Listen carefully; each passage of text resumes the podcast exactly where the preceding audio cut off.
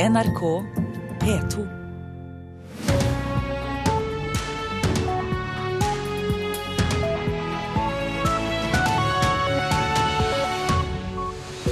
Du lytter til Nyhetsmorgen nå. Dette er noe av det du får høre den neste halvtimen. Nå er tiden inne for å prutte på lånerenta. Bankene slåss om lånekundene.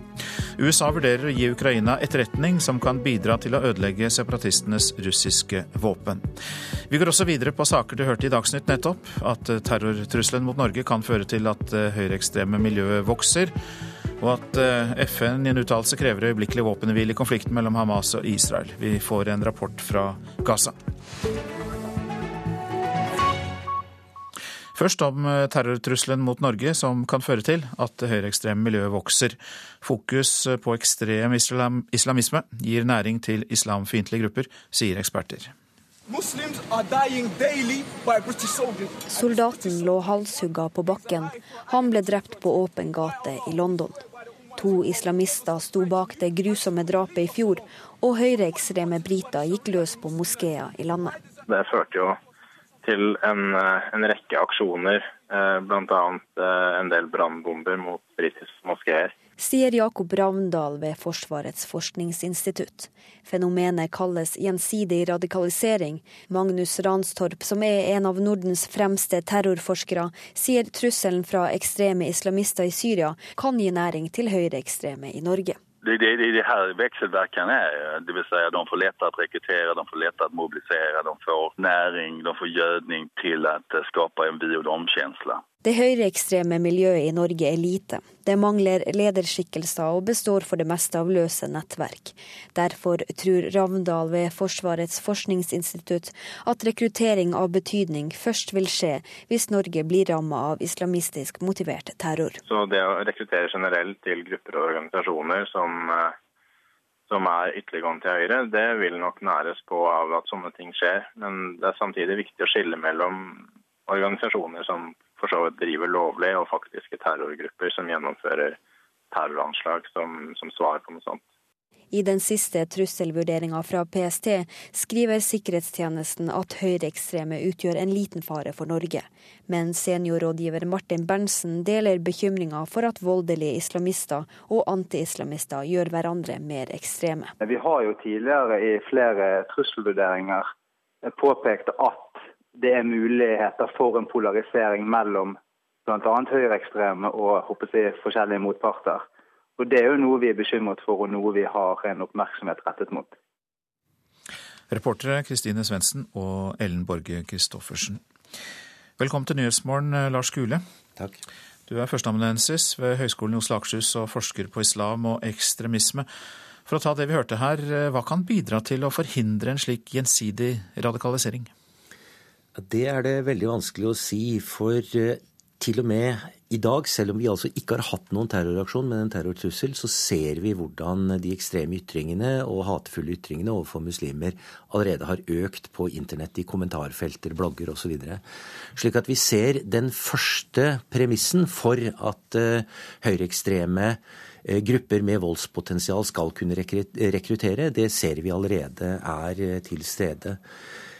Å hindre det eh, er en vanskelig og stor utfordring. Det må gjøres i hvert fall med en betydelig grad av gjensidighet. Man kan ikke fokusere bare på den ene eller den andre siden. Begge formene for ekstremisme må eh, imøtegås, konfronteres og eventuelt rettsforfølges. Men burde man da, slik en tidligere leder i sikkerhetspolitiet i Danmark sa til Aftenposten i helgen, ikke gått så åpent ut med terrorfaren at det kunne da skape frykt og panikk, og også da slik hat mot muslimer? Ja, dette er en veldig vanskelig undersøkelse. Jeg håper vi nå får en evaluering av denne hendelsen i ettertid, slik at vi kan vurdere om denne åpne informasjonskampanjen fra myndighetenes side har vært riktig. Min vurdering per i dag er at den har vært riktig. Fordi en hevet beredskap med væpnet politi på Gardermoen, Oslo S og andre steder ville bli lagt merke til, og da ville spekulasjonene gått. Det ville være helt naturlig at man mistenkte islamister, selv om myndighetene ikke hadde sagt noe som helst, men selvfølgelig kunne man også tenke seg høyreekstremister. Vi ville fått ville spekulasjoner i sosiale medier. Nå har, tror jeg, publikum håndtert dette på en langt roligere måte, selv om det er klart at en del har blitt redde. Dessverre uten, eller jeg hadde nær sagt heldigvis, uten at det har vært grunnen til det, har folk blitt, eh, blitt eh, redde. Ja, PST sa jo i går at terrortrusselen mot Norge er noe redusert, og hva kan være grunnen til at de sier det? Det er det også veldig vanskelig å si, men jeg kan nok tenke meg at det handler om at eh, den første etterretningsinformasjonen man har fått, har sunket i troverdighet. Man har altså vurdert at eh, det var likevel ikke så akutt. Eh, kanskje hadde ikke denne, det som man mente først var en gruppe som hadde reist fra Syria, likevel reist. Eventuelt hadde, har de kommet tilbake, og det har jo vist seg at de ikke vil gjøre noe som helst. Så det er veldig vanskelig å si, men her må vi igjen håpe at en evaluering kan føre til at vi får bedre innsyn i hva som har ligget til grunn for PSTs og myndighetenes vurdering. Takk skal du ha, Lars Gule, som er førsteamanuensis ved Høgskolen i Oslo og Akershus. USAs ledelse legger nå planer for hvordan den kan hjelpe Ukraina å ødelegge våpen separatistene får fra Russland. Det diskuteres bl.a. om Ukraina skal få adgang til etterretning som gjør det mulig å ødelegge luftvernraketter av den typen som trolig skjøt ned det malaysiske passasjerflyet. Ifølge avisa The New York Times står to hovedsyn mot hverandre innenfor de berørte miljøene i den amerikanske administrasjonen. I Forsvarsdepartementet skal en være tilbøyelig til å mene at Ukraina bør få så presis informasjon som mulig, dvs. Si ferske etterretningsdata, inkludert koordinater som kan brukes til å ødelegge luftvernrakettbatterier av typen Buk. Utenriksminister John Kerry skal også dele dette synet. Andre hevder det er for risikabelt, både fordi ukrainske fly vil stå i fare for å bli skutt ned før de har rukket å utføre jobben, og fordi USA risikerer å bli trukket dypere inn i en konflikt med Russland. Når det gjelder spørsmålet om hvem som er motstanderen og hvilke intensjoner vedkommende har, levnet USAs forsvarssjef Martin Dempsey ingen tvil i et foredrag sist torsdag. You know, uh, government that has made the conscious decision to use its military force. Uh, Den russiske regjeringen har tatt en bevisst beslutning om å bruke militærmakt innenfor en annen suveren stat for å nå sine mål. For første gang etter 1939, sa Dempsey, ikke helt korrekt riktignok når det gjaldt historien. Han fortsatte. Putin. Putin kan tenne en ild han mister kontroll over, sa USAs forsvarssjef. Natos militære øverstkommanderende, amerikaneren Philip Bredlow, har bidratt til debatten ved å si at det finnes videobelegg for at russiske militære har skutt kortrekkende Grad-raketter inn over ukrainsk territorium. Men dersom det ukrainske forsvaret skulle finne på å bruke amerikansk etterretning, og kanskje også amerikansk utstyr, mot mål inne i Russland, kan USA selv stå i fare for å bidra til den ilden. Debatten her i USA dreier seg egentlig om hvor langt en kan gå uten å provosere Russland på en måte som ikke tjener amerikanske interesser. Til nå har Kongressen godkjent ikke-dødelig militært utstyr for 33 millioner dollar, bl.a. sambandsutstyr men det er folkevalgte i begge partier som ønsker å bidra med våpen, militære kjøretøy og trening. I tillegg kommer altså spørsmålet om USAs etterretning skal hjelpe Ukraina med informasjon som kan brukes til å bombe våpen som separatistene får fra Russland. Embetsverket skal komme med sine anbefalinger overfor presidenten. Så blir det opp til Barack Obama å avgjøre hvor kraftig beskjeden til president Putin skal være. Gro Holm, Washington. For kort tid siden så kom det en uttalelse fra et eh, møte i natt i FNs sikkerhetsråd eh, der det ble krevd øyeblikkelig våpenhvile i konflikten mellom Hamas og Israel. I helgen ble håpet om en midlertidig våpenhvile i Gaza kortvarig. Hamas sluttet seg først til en forlengelse av våpenhvilen i går, men etter kort tid gjennomtok begge parter kampene. Tidligere Midtøsten-korrespondent Odd Karsten Tveit, du er i Gaza for oss nå. Hvordan er situasjonen der? Ja, Det har vært en rolig natt og en rolig nå òg. For det ser ut som om både Israel og de palestinske gruppene her i Gaza er innstilt på å respektere den humanitære våpenhvilen som da er, eh, de er blitt enige om. Eh, det jeg nå hører rett og slett er bare bølgeskvulp eh, fra stranden og den monotone duren fra israelernes førerløse spionfly som går på kryss og tvers. Men så akkurat nå hørte jeg også et drønn, men det kan være at israelerne arbeider med å ødelegge disse tunnelene som går på kryss og tvers langs grensen. For det har de presisert at de vil fortsette å ødelegge disse tunnelene, selv om det er våpenhvile. Er det først og fremst dette med å ødelegge tunnelene som er det som gjenstår av Israels militære operasjon på Gaza, tror du? Det er den israelske regjeringen som bestemmer hvor langt de militære skal gå i å ødelegge mer av Gaza-stripens bebyggelse. For de har ødelagt vann- og kloakksystem, offentlige og private bygg, og Hamas sin rakettbeholdning, og altså tunnelsystemet. Eh, eh, tidligere har regjeringsmedlemmer i Israel sagt at krigen skal fortsette, men eh, nå er det en litt ny situasjon, så det er umulig å si hvor lang tid dette kan gå. Eller om det kanskje de får til, noe av disse diplomatene som nå arbeider på spreng rundt omkring i verden. Mm. Nå avsluttes jo muslimenes eh, fastemåned eh, ramadan, Odd Karsten Tveit, eh, går over i id-høytiden. Hvordan kan det kunne påvirke håpet om en våpenhvile? Ja, at Disse tre høytidsdagene kan jo gi diplomatene et vindu til å jobbe bak kulissene. Fordi at ødeleggelsene har vært så store at det har gått inn på ledere verden over, selv om det ikke egentlig legger noe sterkt press på Israel.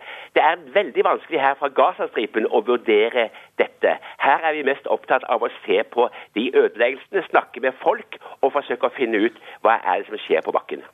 Får de markert id i Gaza nå?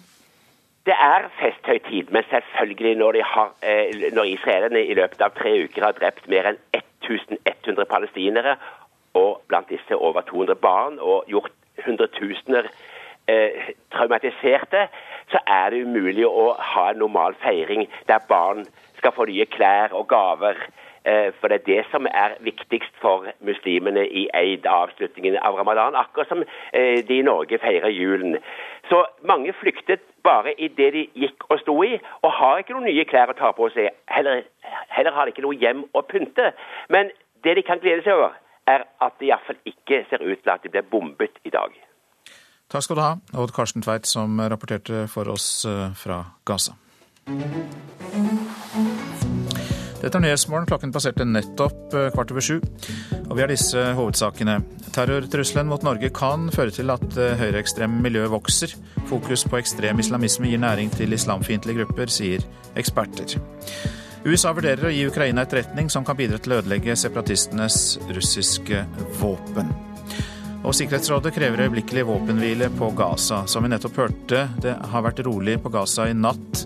Det rapporterte Odd Karsten Tveit derfra.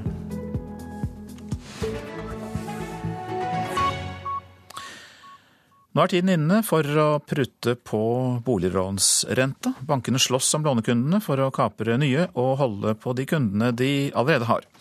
Men ikke alle syns det er så lett å ta en renteprat med banken. Jeg syns det er vanskelig, men uh, hvis jeg vet at noen andre har vært til banken, kanskje hadde jeg turt. Kanskje. Det er alltid lurt å forhandle om vilkårene i, på lån. Så det, man vet at det er god konkurranse. Derfor så vil jeg benytte meg av den anledninga. Ja. Det er faktisk litt vanskelig for meg, fordi at det er en fast kunde hos min bank. Så akkurat det syns de er litt vanskelig. Man har et eh, nært kundeforhold med banken sin. Det var tydelige forskjeller i rentepågangsmot å spore hos boliglånskundene NRK traff i Bodø sentrum. Men i disse dager kan en telefon eller e-post til banken lønne seg. For ifølge utlånsundersøkelsen til Norges Bank for annet kvartal har bankenes fortjenestemargin på utlån falt de siste månedene. Og ikke minst, bankene forventer at de skal fortsette å falle. Med andre ord, bankene skal slåss om kundene, og de er villige til å bruke renta som våpen. Nei, Vi opplever allerede at konkurransen er stor, men, eh, men vi ser jo at eh, den kommer til å tilta utover mot høsten. Sier kommunikasjonsrådgiver Vidar Korsberg Dalsbø i Norges største bank, DNB. Alle bankene har jo et mål om å øke på eh, boliglån, og det har, jo, det har jo vi også. Vi har ikke lyst til å gi fra oss markedsandeler. sånn at konkurransen er veldig stor og kommer nok til å fortsette å være det utover høsten. Til glede for norske boliglånskunder? Absolutt. Når det har konkurranse om kundene, så er det boliglånskundene som vinner på det. Mye av grunnen til at konkurransen hardner til, er at mange norske banker nå er på stø kurs mot å oppfylle de mye omtalte egenkapitalkravene som myndighetene har pålagt dem. Dermed blir det litt mindre viktig å spare opp reserver, og litt mer viktig å kapre nye kunder. Og én ting er hvilken rente som står i prislisten. En annen ting er hvilken rente du kan få dersom du står litt på, skal vi tro sjeføkonom Steinar Juel i Nordea Markets. Det, det, ser man ofte når det er sterk konkurranse, at man har en prisliste eh, som da eh, gjelder. Og så kommer da en kunde som sier at uh, i nabobanken så kan jeg få et lån som er så og så mye billigere. Kan ikke jeg få det hos dere også? Så, så, da skal jeg bli hos dere. Og da sier de som regel jo, det skal vi selvfølgelig ordne. Og så kommer man inn i en situasjon hvor da eh, bankene har litt forskjellige priser på forskjellige grupper personer. Eh, og når da kundene kommer og skal eh, true med å flytte, så, så, justerer man det på individuell basis. Nei, jeg ba om eh, bedre vilkår og, og viste til konkurrerende bank sine vilkår. og så Da ble det faktisk en reduksjon i, i renta på bakgrunn av det. Er du fornøyd med resultatet? Ja, det vil jeg si. Reporter her, det var Halvard Norum og Munever Gildes. Daglig leder i Forbrukerrådets finansportal, det er du, det er Elisabeth Realfsen. God morgen til deg. God morgen. Ja, For dere også rapporter om at bankene har en prisliste der kundene blir vurdert forskjellig? Ja, vi måler eh, forbrukernes aktivitet på dette området hvert år. Og målingene våre for i fjor tydet på at så mange som 10% av boliglånskunder eh, forhandlet, reforhandlet sine boliglån med banken. Og det er en god andel. og det, er, eh, det, betyr jo at forbrukerne begynner å ta tak i finansmarkedet. Og det er jo nettopp det som var Stortingets intensjon med å opprette Finansportalen. For det er vel da slik, eh, som vi hørte her i innslaget, at bankene har en, en prisliste, at kundene blir vurdert litt forskjellig, at de som sier fra, blir lettere hørt? Det er nok sånn at eh, passive kunder eh, betaler en pris for sin passivitet. Og eh, finansnæringen som helhet belønner aktivitet med bedre vilkår. Både på pris og, og, gjerne andre ting også. Så det lønner seg virkelig ikke å lene seg tilbake og stole på din eksisterende leverandør. Hvordan skal man gå fram? Det er egentlig veldig enkelt. Du bør først konferere med f.eks. prislistene på Finansportalen, eller andre prislister som også gjengir Bruker de samme dataene som vi leverer til dem, som viser hele markedet. Så finner du den eh, beste renten markedet kan gi på ditt boliglån gjennom en av dem, og så kontakter du din egen bank og sier hør her, dette her kan markedet faktisk tilby meg, eh, match dette. Og hvis du da ikke får gehør, så har du helt, eh, en helt flora av andre banker som, er, som gjerne tar deg imot som kunder, som disse intervjuene viser. Ja, Men det er vel ikke like enkelt som å bytte dagligvarebutikk, er det det? Det er praktisk talt så enkelt etter hvert, altså. Det å flytte boliglån det er, eh, det er jo også sånn i markedet at den banken som vil ta deg imot, gjerne, og gjerne vil ha deg som boliglånskunde, også hjelper deg med overgangen. Eh, myndighetene har satt ned eh, tinglysningsgebyret til 200 kroner. Koster det nå å flytte det? Det er, det er veldig, veldig god timebetaling, for å si det sånn. Og det å flytte innskudd, som også kan bety noen ting. Fordi her også er det veldig store prisforskjeller. Det koster kanskje noen få minutter hvis du er internettbruker. Takk for eh, disse tipsene, Elisabeth eh, Realsen, som altså da er daglig leder i Forbrukerrådets eh, finansportal.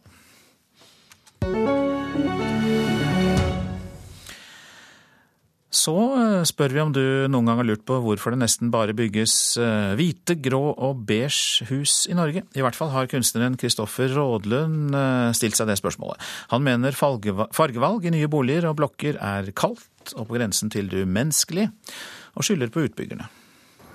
Hvite og grå kasser, billige materialer, kantete.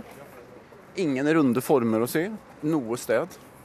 Fullstendig utilitært, på grensen til umenneskelig. Slik beskriver kunstneren Kristoffer Rådlund de mange nye boligblokkene på Grønland i Oslo. Han er en av forfatterne bak boken 'En sort bok om arkitektur', og mener vi bør stille spørsmålet Hvorfor er arkitekturen så fargeløs? Og utdype? Det fins ikke no noe innbydende i de her fasadene. Det fins ikke noe som sier at dette er mennesker av kjøtt og blod, dette er mennesker som føder barn, som elsker. For Rådlund har sett seg lei av at boligene og blokkene som bygges i dag, er skremmende like, og nesten utelukkende males i hvitt, grått og beige. Jeg kan se at det er en ganske ensartet bebyggelse, det som bygges nå. Husene ser ganske like ut og, og ganske under samme fargeplett. Det sier Ingvild Hegna og jobber i Norsk design- og arkitektursenter. Hun tror mye av grunnen til de lyse og duse fargevalgene er reguleringsplaner, som bestemmer at nye boliger ikke skal skille seg for mye ut i nabolaget man skal holde seg til en nøytral farge, og at det skal på en måte tilpasse seg omgivelsene. Det, er, det, skal på en måte litt mot til å bruke farger, og vi er vant til at det er på en måte naturfarger, og at vi skal tilpasse oss eh, omgivelsene og landskapet. Og da er det veldig lett å legge seg inn i de, den fargeskalaen. Både Hegna og Rådlund mener at utbyggerne må ta ansvar for at husene som bygges, ikke blir for like. Mens utbyggerne selv mener at det er en annen grunn til at de bygger i hvitt, grått og beige. Grunnen til det er at folk etterspør det, og at det ikke skal skille seg så mye ut i boligene som er. Det sier Mitt navn er Per Jæger, eh, Boligprodusentenes forening.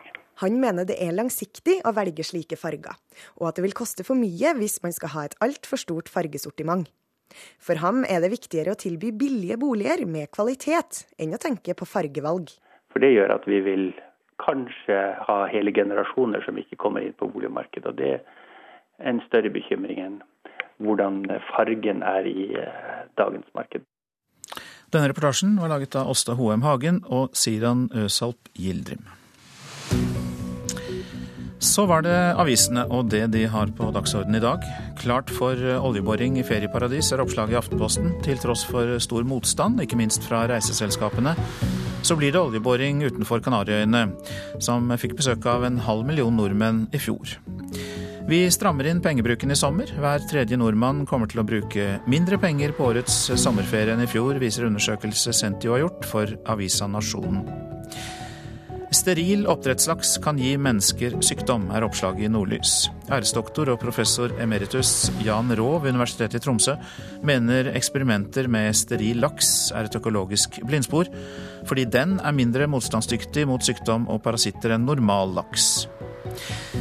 Regjeringen tør ikke innføre elbilfordel, kan vi lese i Dagens Næringsliv. Selv om Stortinget har vedtatt momsfritak for å lease elektriske biler, så vil ikke regjeringen innføre ordningen før ESA, som overvåker EØS-avtalen, er spurt først.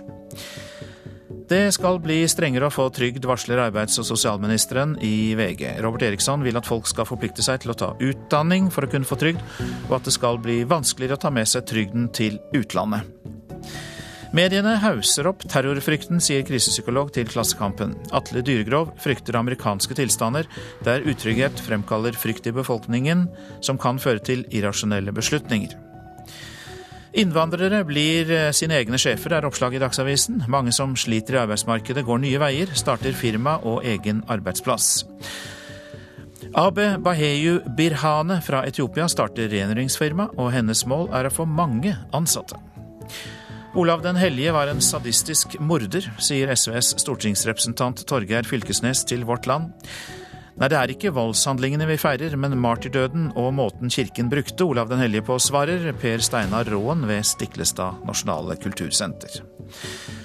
Brann ser ned i avgrunnen. Det har aldri vært verre, slik lyder oppslagene i Bergens Tidende og Bergensavisen. Etter gårsdagens tap mot Viking ser det mørkt ut. Aldri har Brann gjort det dårligere på hjemmebane. Nå truer nedrykk for første gang på 29 år.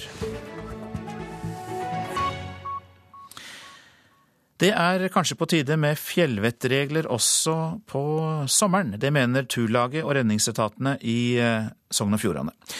Ni fjellvettregler, det har vi, og de er gode å ha om vinteren, men om sommeren kan det være minst like farlig å gå i fjellet i varmen. Det mener Marino Ask, leder i Turlaget. Det å ha med drikke, eh, og det å tenke på at du får i deg nok væske når varmen er så høy, og ikke minst dette med å smøre seg godt inn med solkrem og ikke bli, bli solbrente, og solbriller. Jeg tok og skrev ut um, dette her er, Vi har ni fjellvettregler i dag. Jeg sitter og drikker kaffe med luftambulansepiloten Bent Ness og redningsmannen Kjell Naustdal i Førde. En uvanlig stille formiddag har gjort at NRK får lov å komme på besøk. Og de ser sånn ut. Det er jo relatert mye til vinteren. De opplever jevnlig at eh, folk har med seg alt utstyr de trenger, men at de ikke veit hvordan de bruker det. Mobilen din er det viktigste hjelpemiddelet, sånn sett. Hvilket område skal jeg gå? Er det dekning der? Eh, turlag som ender opp i problemer. Eh, det er veldig ofte vi ser at de ikke De kjenner ikke hvordan de skal finne sin egen posisjon. Redningsmannen Naustdal har òg en regel å komme med. En tilleggsregel det er det at folk som har eh, lidelser at de tar god nok høyde for det. Altså At de har medisinene sine, at de har snakka med legen sin og sånt før de legger ut på turer. Det kan være folk som har epilepsi eller, eller sukkersyke, sånne type ting, hjerteproblemer og sånne ting. At de tar høyde for det når de er på fjellet. Hva skal de gjøre hvis at man får et epileptisk anfall inne på fjellet? ikke sant?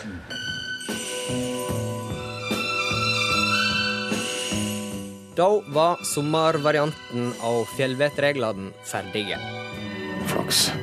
Han inneholder seks nye punkt. Ta med deg vann, ta med deg solkrem, ta med deg eh, solbriller.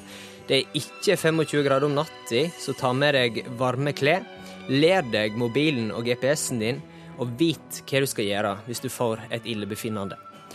Men viktigst av alt Bruk naturen og fjellet for det det er verdt, men ta med hodet.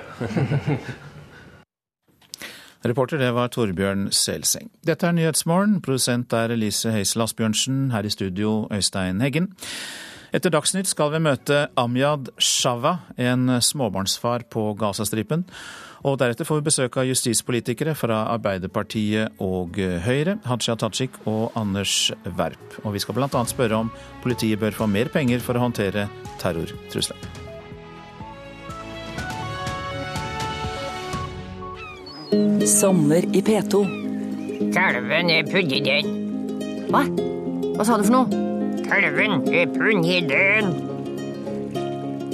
Mer trøndersk elgprat fra meg, Mari Maurstad, i Sommer i P2 i dag. Sommer i P2. Kjente stemmer inviterer deg nærmere. I dag klokken ti.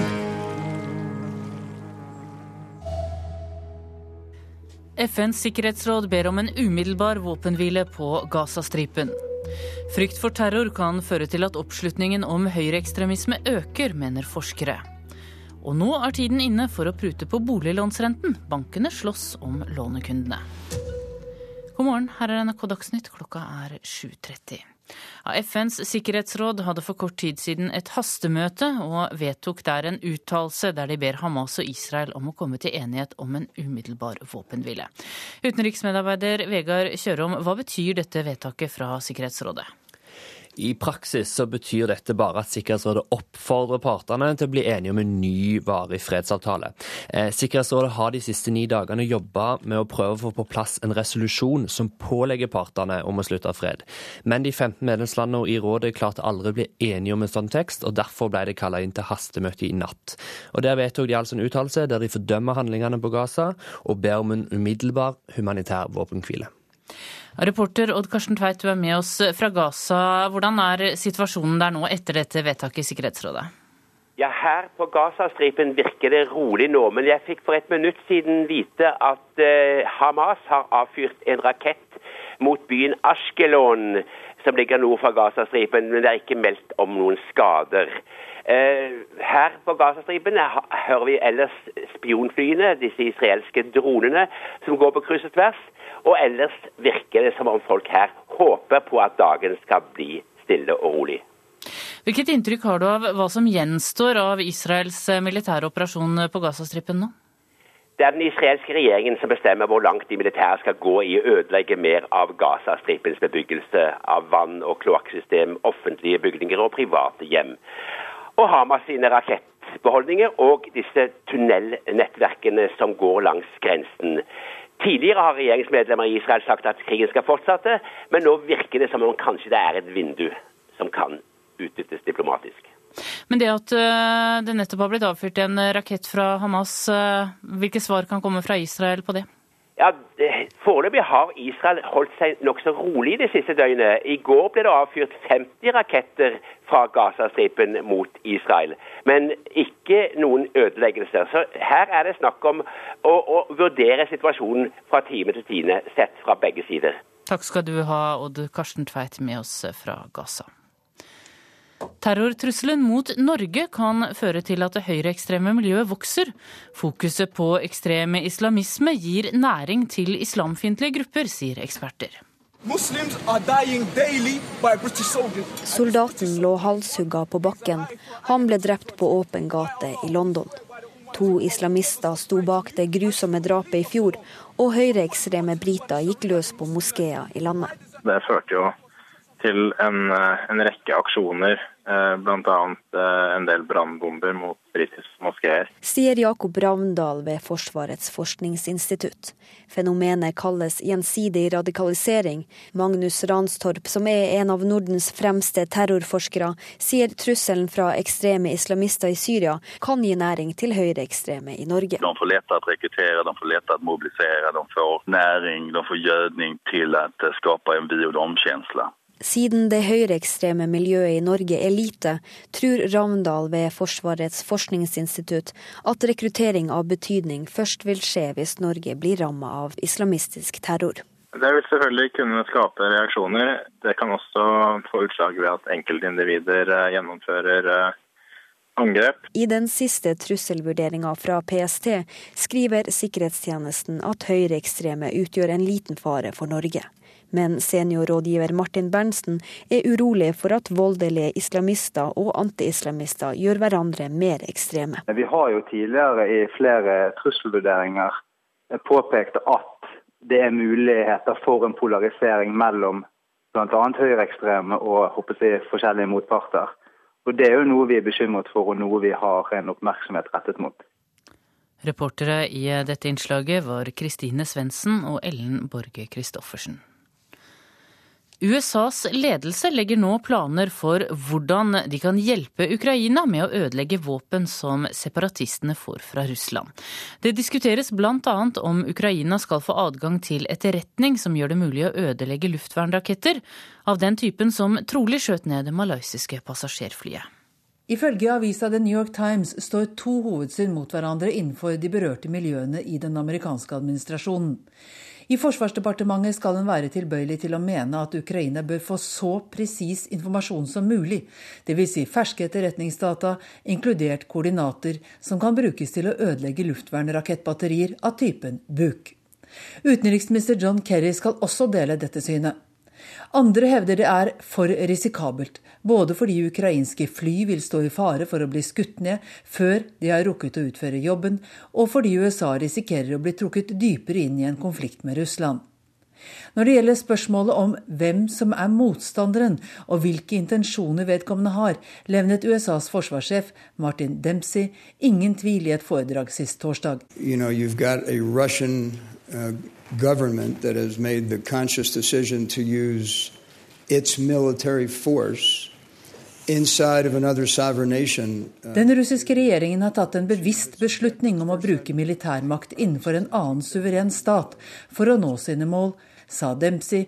Debattene her i USA dreier seg egentlig om hvor langt en kan gå uten å provosere Russland på en måte som ikke tjener amerikanske interesser. Gro Holm, Washington. Arbeidsminister Robert Eriksson vil innføre strengere aktivitetskrav til de som mottar sosialhjelp. Fremtidige brukere skal forplikte seg til utdanning før de får trygdetjenester, skriver VG.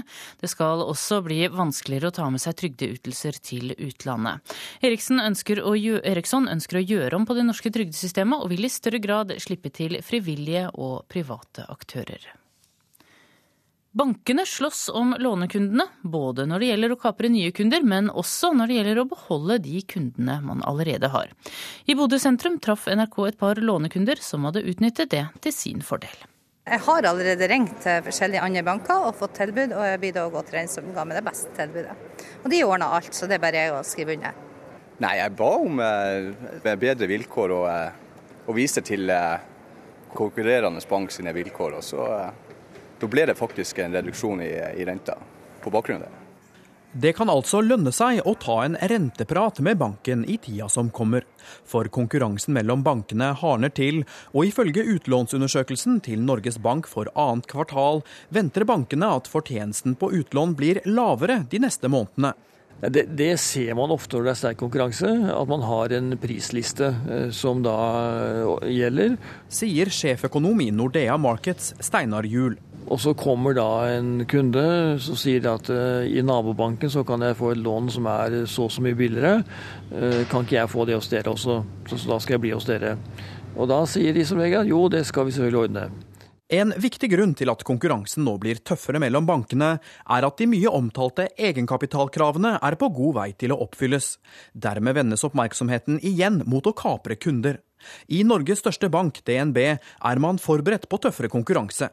Det sier kommunikasjonsrådgiver Vidar Dalsbø alle bankene har jo et mål om å øke på eh, boliglån, og det har, jo, eh, det har jo vi også. Vi har ikke lyst til å gi fra oss markedsandeler. sånn at konkurransen er veldig stor og kommer nok til å fortsette å være det utover høsten. Til glede for norske boliglånskunder? Absolutt. Når det har konkurranse om kundene, så er det boliglånskundene som vinner på det. Reportere i dette innslaget var Halvard Norum og Munever Gildis. Så skal vi ha sport i Dagsnytt. Syklisten Alexander Kristoff oppnådde mer enn han hadde drømt om under årets Tour de France. Med to etappeseire og flere topplasseringer, så overgikk rogalendingen selv sine egne forventninger. Jeg håpet jo om en etappeseier, så to etappeseire og tre andreplasser og en tredjeplass, det, det er bedre enn forventa. Jeg har jo drømt om å vinne en etappe siden jeg var gutt, og nå har jeg to, så, så det er jo bedre enn jeg har drømt om. Det var en fornøyd Alexander Kristoff som gjorde seg ferdig med verdens hardeste sykkelritt i går. Katsjusja-rytteren overbeviste med flere sterke prestasjoner underveis. Og godt var det, som spurtstjerne på laget med et av de høyeste budsjettene i sykkelsirkuset. Det, det er deilig det å klare å prestere, så klart. Eh, du har litt press på deg. Laget, alle lag er bygd rundt meg, så laget forventer at du skal få til noe. og da, da er det godt å klare å prestere. Og etter tre ukers blodslit venter en lang og god ferie eller? Ja, ikke Jeg kjører løp på fredag faktisk i Sandefjord, så eh, det blir i hvert fall fem-fire dager. Ja, Det sa Alexander Kristoff, og reporter her var Olav Havdal Tangenes. Ansvarlig for Dagsnytt denne morgenen er Sven Gullvåg. Det tekniske ansvaret har Mari Janne Myrhol. Her i studio Tone Nordahl.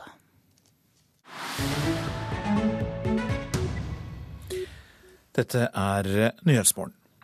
Å være småbarnsfar i Gaza er ikke lett når du ikke kan gi barna dine trygghet. Reporter Sissel Wold har snakket med Amjad Shava, som er far til fire.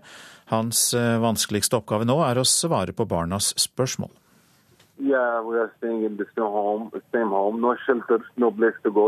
Vi er bare hjemme. Vi har ikke noe sikkert sted å gå til.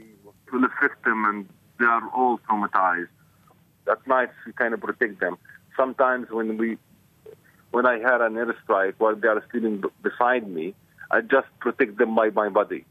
Det eneste jeg kan tilby barna mine av trygghet nå, er å beskytte dem med min egen kropp når angrepene er som verst.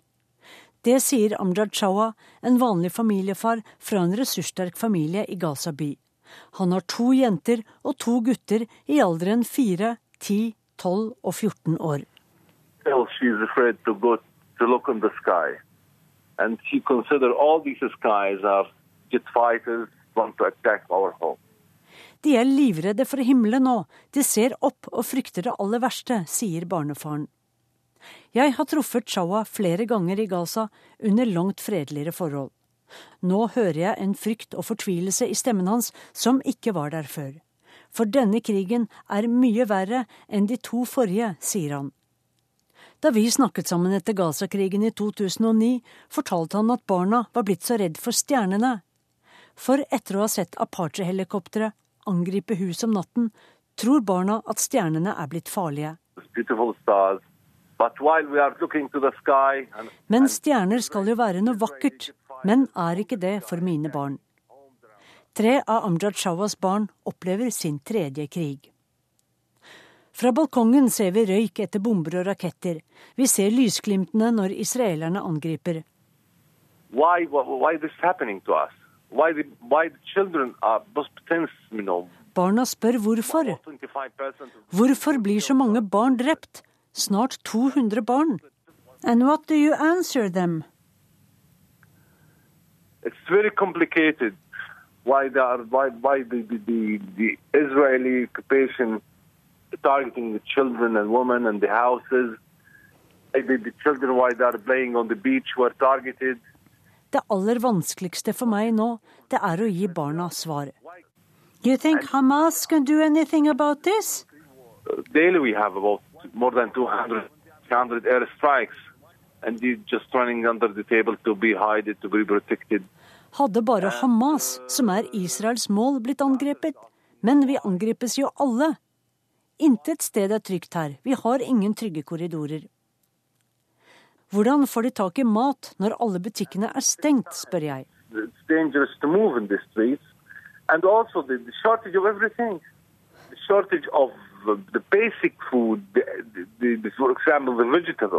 Om du først våger å bevege deg ut, er det mangel på alt. Israelerne angriper jordbruksarealene, så ingen grønnsaker er å oppdrive nå. Fiskerne tør ikke å dra ut, så fisk får vi heller ikke. Vi spiser hermetikk og tørrmat. Propan til matlaging rekker bare ut neste uke. Strøm har vi bare et par timer om dagen, akkurat nok til å få hørt nyhetene på radio og ladet mobilene våre. Amjad Shawa er så gammel at han husker hvordan normale israelere er. Men barna de har aldri sett en sivil israeler. Alt de vet om naboen på den andre siden av muren, er at den dreper vilkårlig, at den er livsfarlig, og om de ser dem, er det som soldater. Du lytter til eh, Nyhetsmorgen. Nå er klokka 7.44, og dette er eh, hovedsaker. Terrortrusselen mot Norge kan føre til at det høyreekstreme miljøet vokser, mener eksperter. FNs sikkerhetsråd krever øyeblikkelig våpenhvile på Gaza etter krisemøtet i natt om konflikten mellom Hamas og Israel. Det var rolig på Gaza i natt. USA vurderer å gi Ukraina etterretning som kan bidra til å ødelegge separatistenes russiske våpen.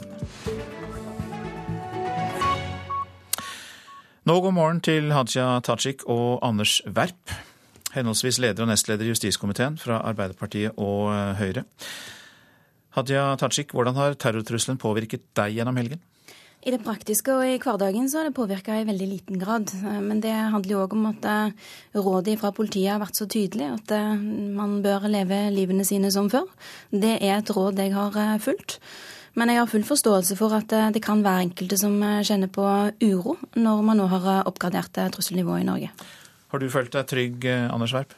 Det har jeg, og jeg og min familie har ikke endret våre planer for helgen.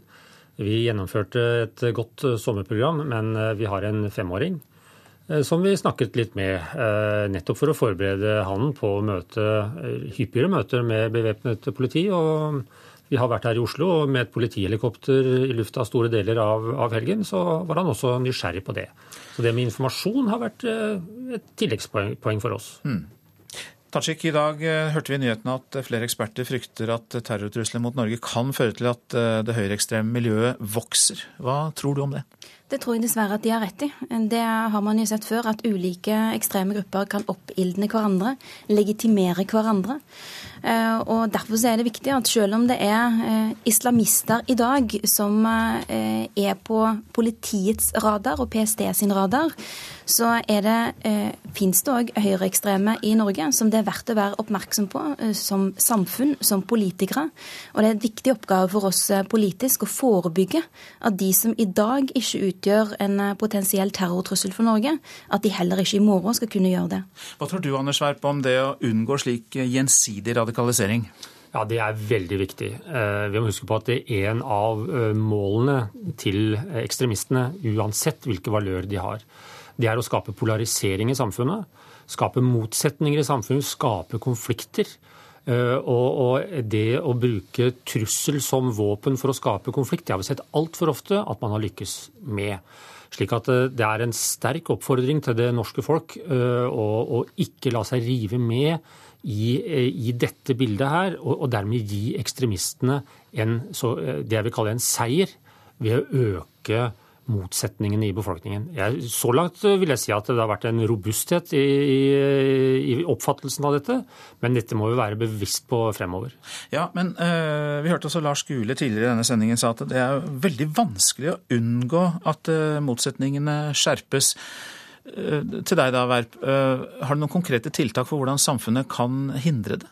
Sette i verk tiltak? Ja, jeg tror altså Informasjon er en av de viktigste nøklene. I norske eventyr så heter det at trollet sprekker når sola kommer. Og det å belyse ekstremistene med, informasjon, med informasjon om hva de faktisk står for, vil være med å forebygge i seg selv. Og så må vi være på vakt alle sammen på å, å, å gi motsvar når vi ser disse tendensene hvis de utvikler seg. Tajik. Jeg tror nok at eh, det å eh, belyse og motargumentere de ekstreme holdningene som finnes, er viktig. Men det handler jo om eh, folks bevissthet omkring dette. Det er jo veldig sjelden man klarer å overbevise en som selv har blitt høyreekstrem, ved å ha en grundig debatt med vedkommende. Men her finnes det jo arbeidsmetoder som politiet har brukt før.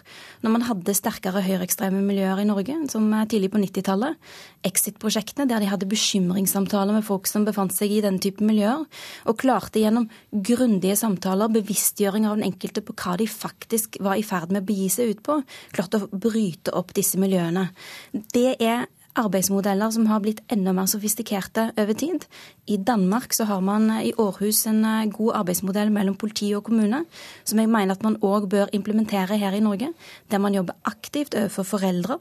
Der, eh, der man, altså foreldremiljøer der man ser at ungdommen kan være sårbare for ekstremisme og radikalisering.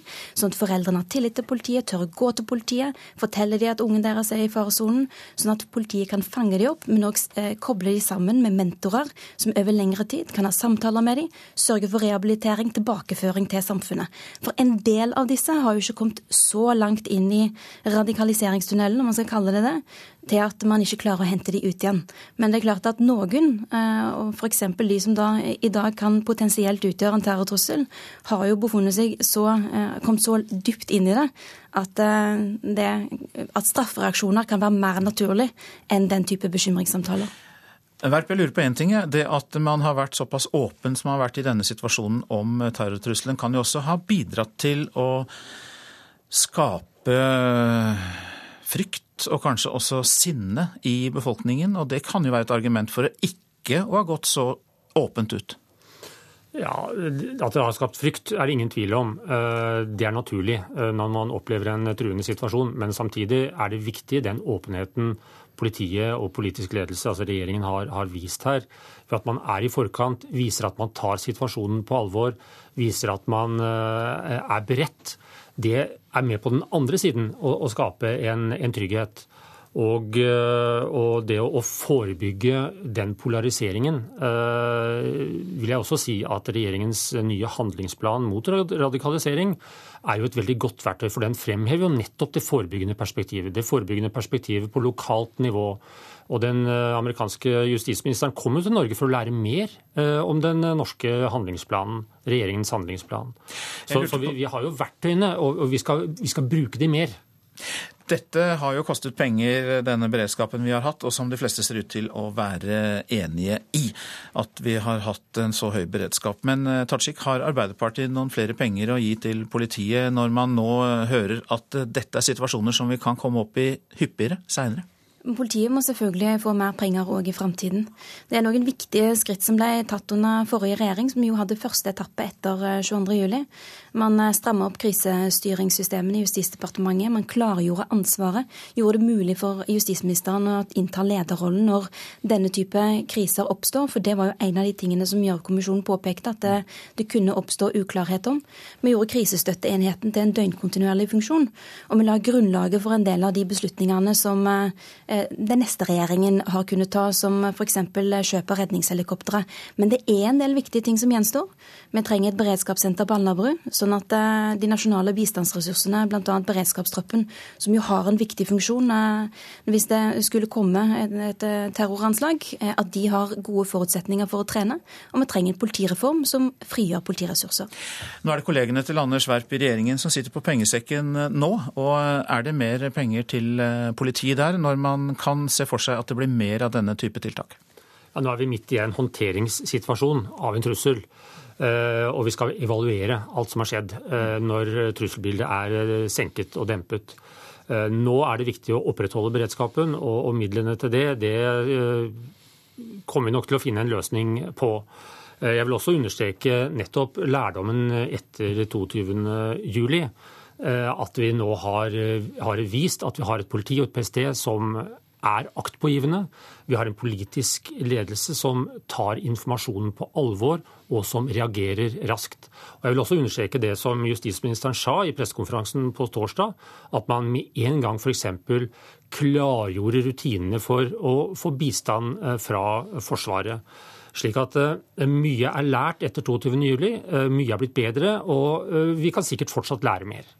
Tiden er ute for denne debatten i denne omgang. Anders Werp fra Høyre, Hadia Tajik fra Arbeiderpartiet, hjertelig takk for at dere kom. Nå til sommerpraten i Nyhetsmorgen. I dag møter vi en politiker som gjerne tar seg en pils i parken.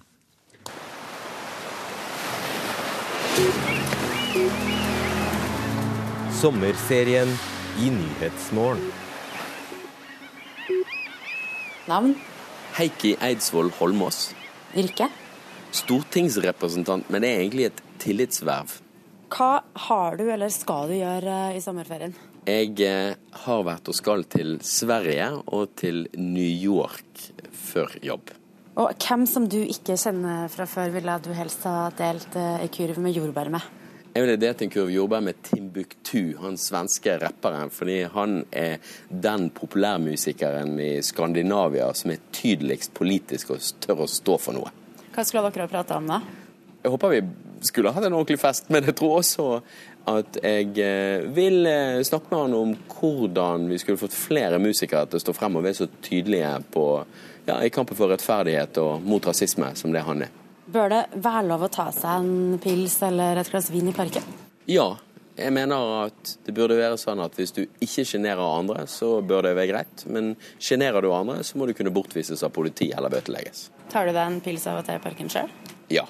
Det er et av de få tingene som er lovbrudd som jeg begår. Hva med hasj, da? Bør det legaliseres? Nei, men uh, samtidig så er det sånn at uh, alkohol uh, gir vesentlig større skader for samfunnet, selv om det er tillatt i dag. Hvorfor ikke da tillate hasj?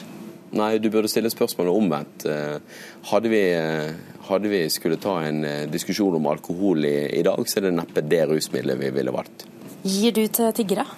Noen ganger, men jeg mener at det er et angrep på ytringsfriheten at et flertall på Stortinget nå har gått inn for å si at det skal være greit å spørre meg om jeg vil stemme Høyre, men det skal ikke være greit å spørre meg om jeg har lyst til å hjelpe dem med noen penger. Tjener Erna Solberg for lite? Jeg syns det er et større problem at det er altfor mange i samfunnet som tjener mer penger enn Erna Solberg, til dels mye mer penger enn Erna Solberg, for adskillig mindre viktige jobber. Vil du ha OL i Oslo i 2022? Altså Det er jo umulig å svare nei til å ville ha OL i, Oslo i 2022, for det er jo utrolig gøy med OL. Men jeg er mot å arrangere det når det er så dyrt som det er i dag. Ja, hvem skal ta den kostnaden da, hvis Norge ikke ser seg råd til det? Nei, Vi konkurrerer jo nå mot uh, det autoritære Kina med, og, eh, og olje, oljediktaturet i Kasakhstan. Men uh, jeg mener jo at det godt kan finnes gode demokratier som kan arrangere det. Men da må det, må det bli mye billigere å arrangere enn det det er i dag. Kunne du ha sendt uh, dine barn på privatskole? Nei. Hvorfor ikke? Fordi den offentlige skolen er god, og jeg mener at vi bør Eh, sørge for å, å, forbedre og styrke den skolen vi har, istedenfor at de som har råd, melder seg ut.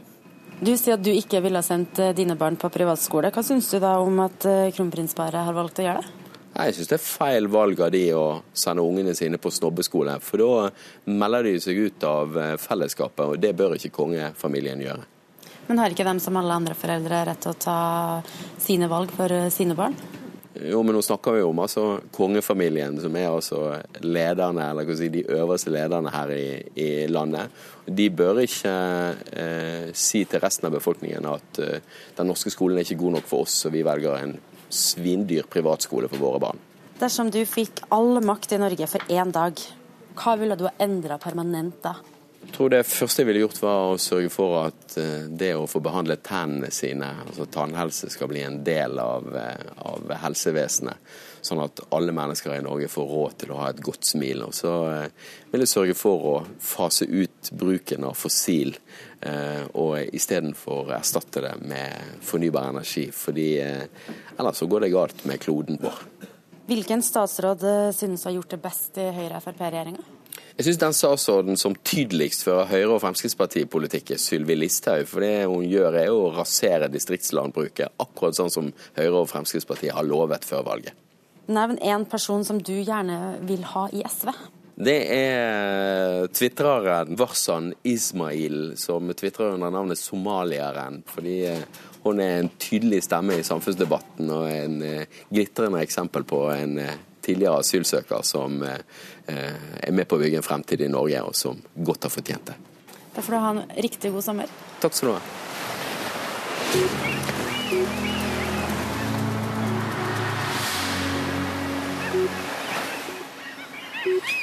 Og SVs Eiki Eidsvoll Holmås ble intervjuet av Siv Sandvik. Så et uh, værvarsel. Fjell i Sør-Norge. Perioder med regnbyger, kan hende med torden. Østlandet, Telemark og Agder lokale regnbyger, men også perioder med sol, utrygt for torden. I Agder etter hvert pent vær. Rogaland skiftende skydekke, perioder med sol. Fra i ettermiddag regnbyger, vesentlig da i indre strøk, kan hende med torden. Hordaland og Sogn og Fjordane lokale regnbyger, men også perioder med sol. Utrygt for torden. Flest byger i ettermiddag i midtre og indre strøk. Så var det Møre og Romsdal og Trøndelag. Stort sett pent vær, men lokale ettermiddagsbyger i indre strøk kan hende med torden. Lokal morgentåke. Nordland fra i ettermiddag opp i liten kuling i Lofoten og Vesterålen. Enkelte regnbyger i Nordland, vesentlig da i indre strøk, men også perioder med sol. En del lave tåkeskyer på kysten. Troms får spredt regn. Finnmark i ytre strøk litt regn av og til, og en del lave tåkeskyer. I indre strøk spredte regnbyger, men også litt sol. Nordensjøland på Spitsbergen spredt regn. Og Så tar vi temperaturene målt klokka sju. Svalbard lufthavn seks, Kirkenes 17, Vardø 12, Alta 14, Tromsø-Langnes 11. Bodø og Brønnøysund 15, Trondheim-Værnes 17 grader, Molde og Bergen-Flesland 18. Stavanger 17. Kristiansand-Kjevik 16. Gardermoen og Lillehammer begge med 15 grader. Røros 13 og Oslo-Blindern hadde 17 grader da klokka var sju. Hør flere podkaster på nrk.no podkast.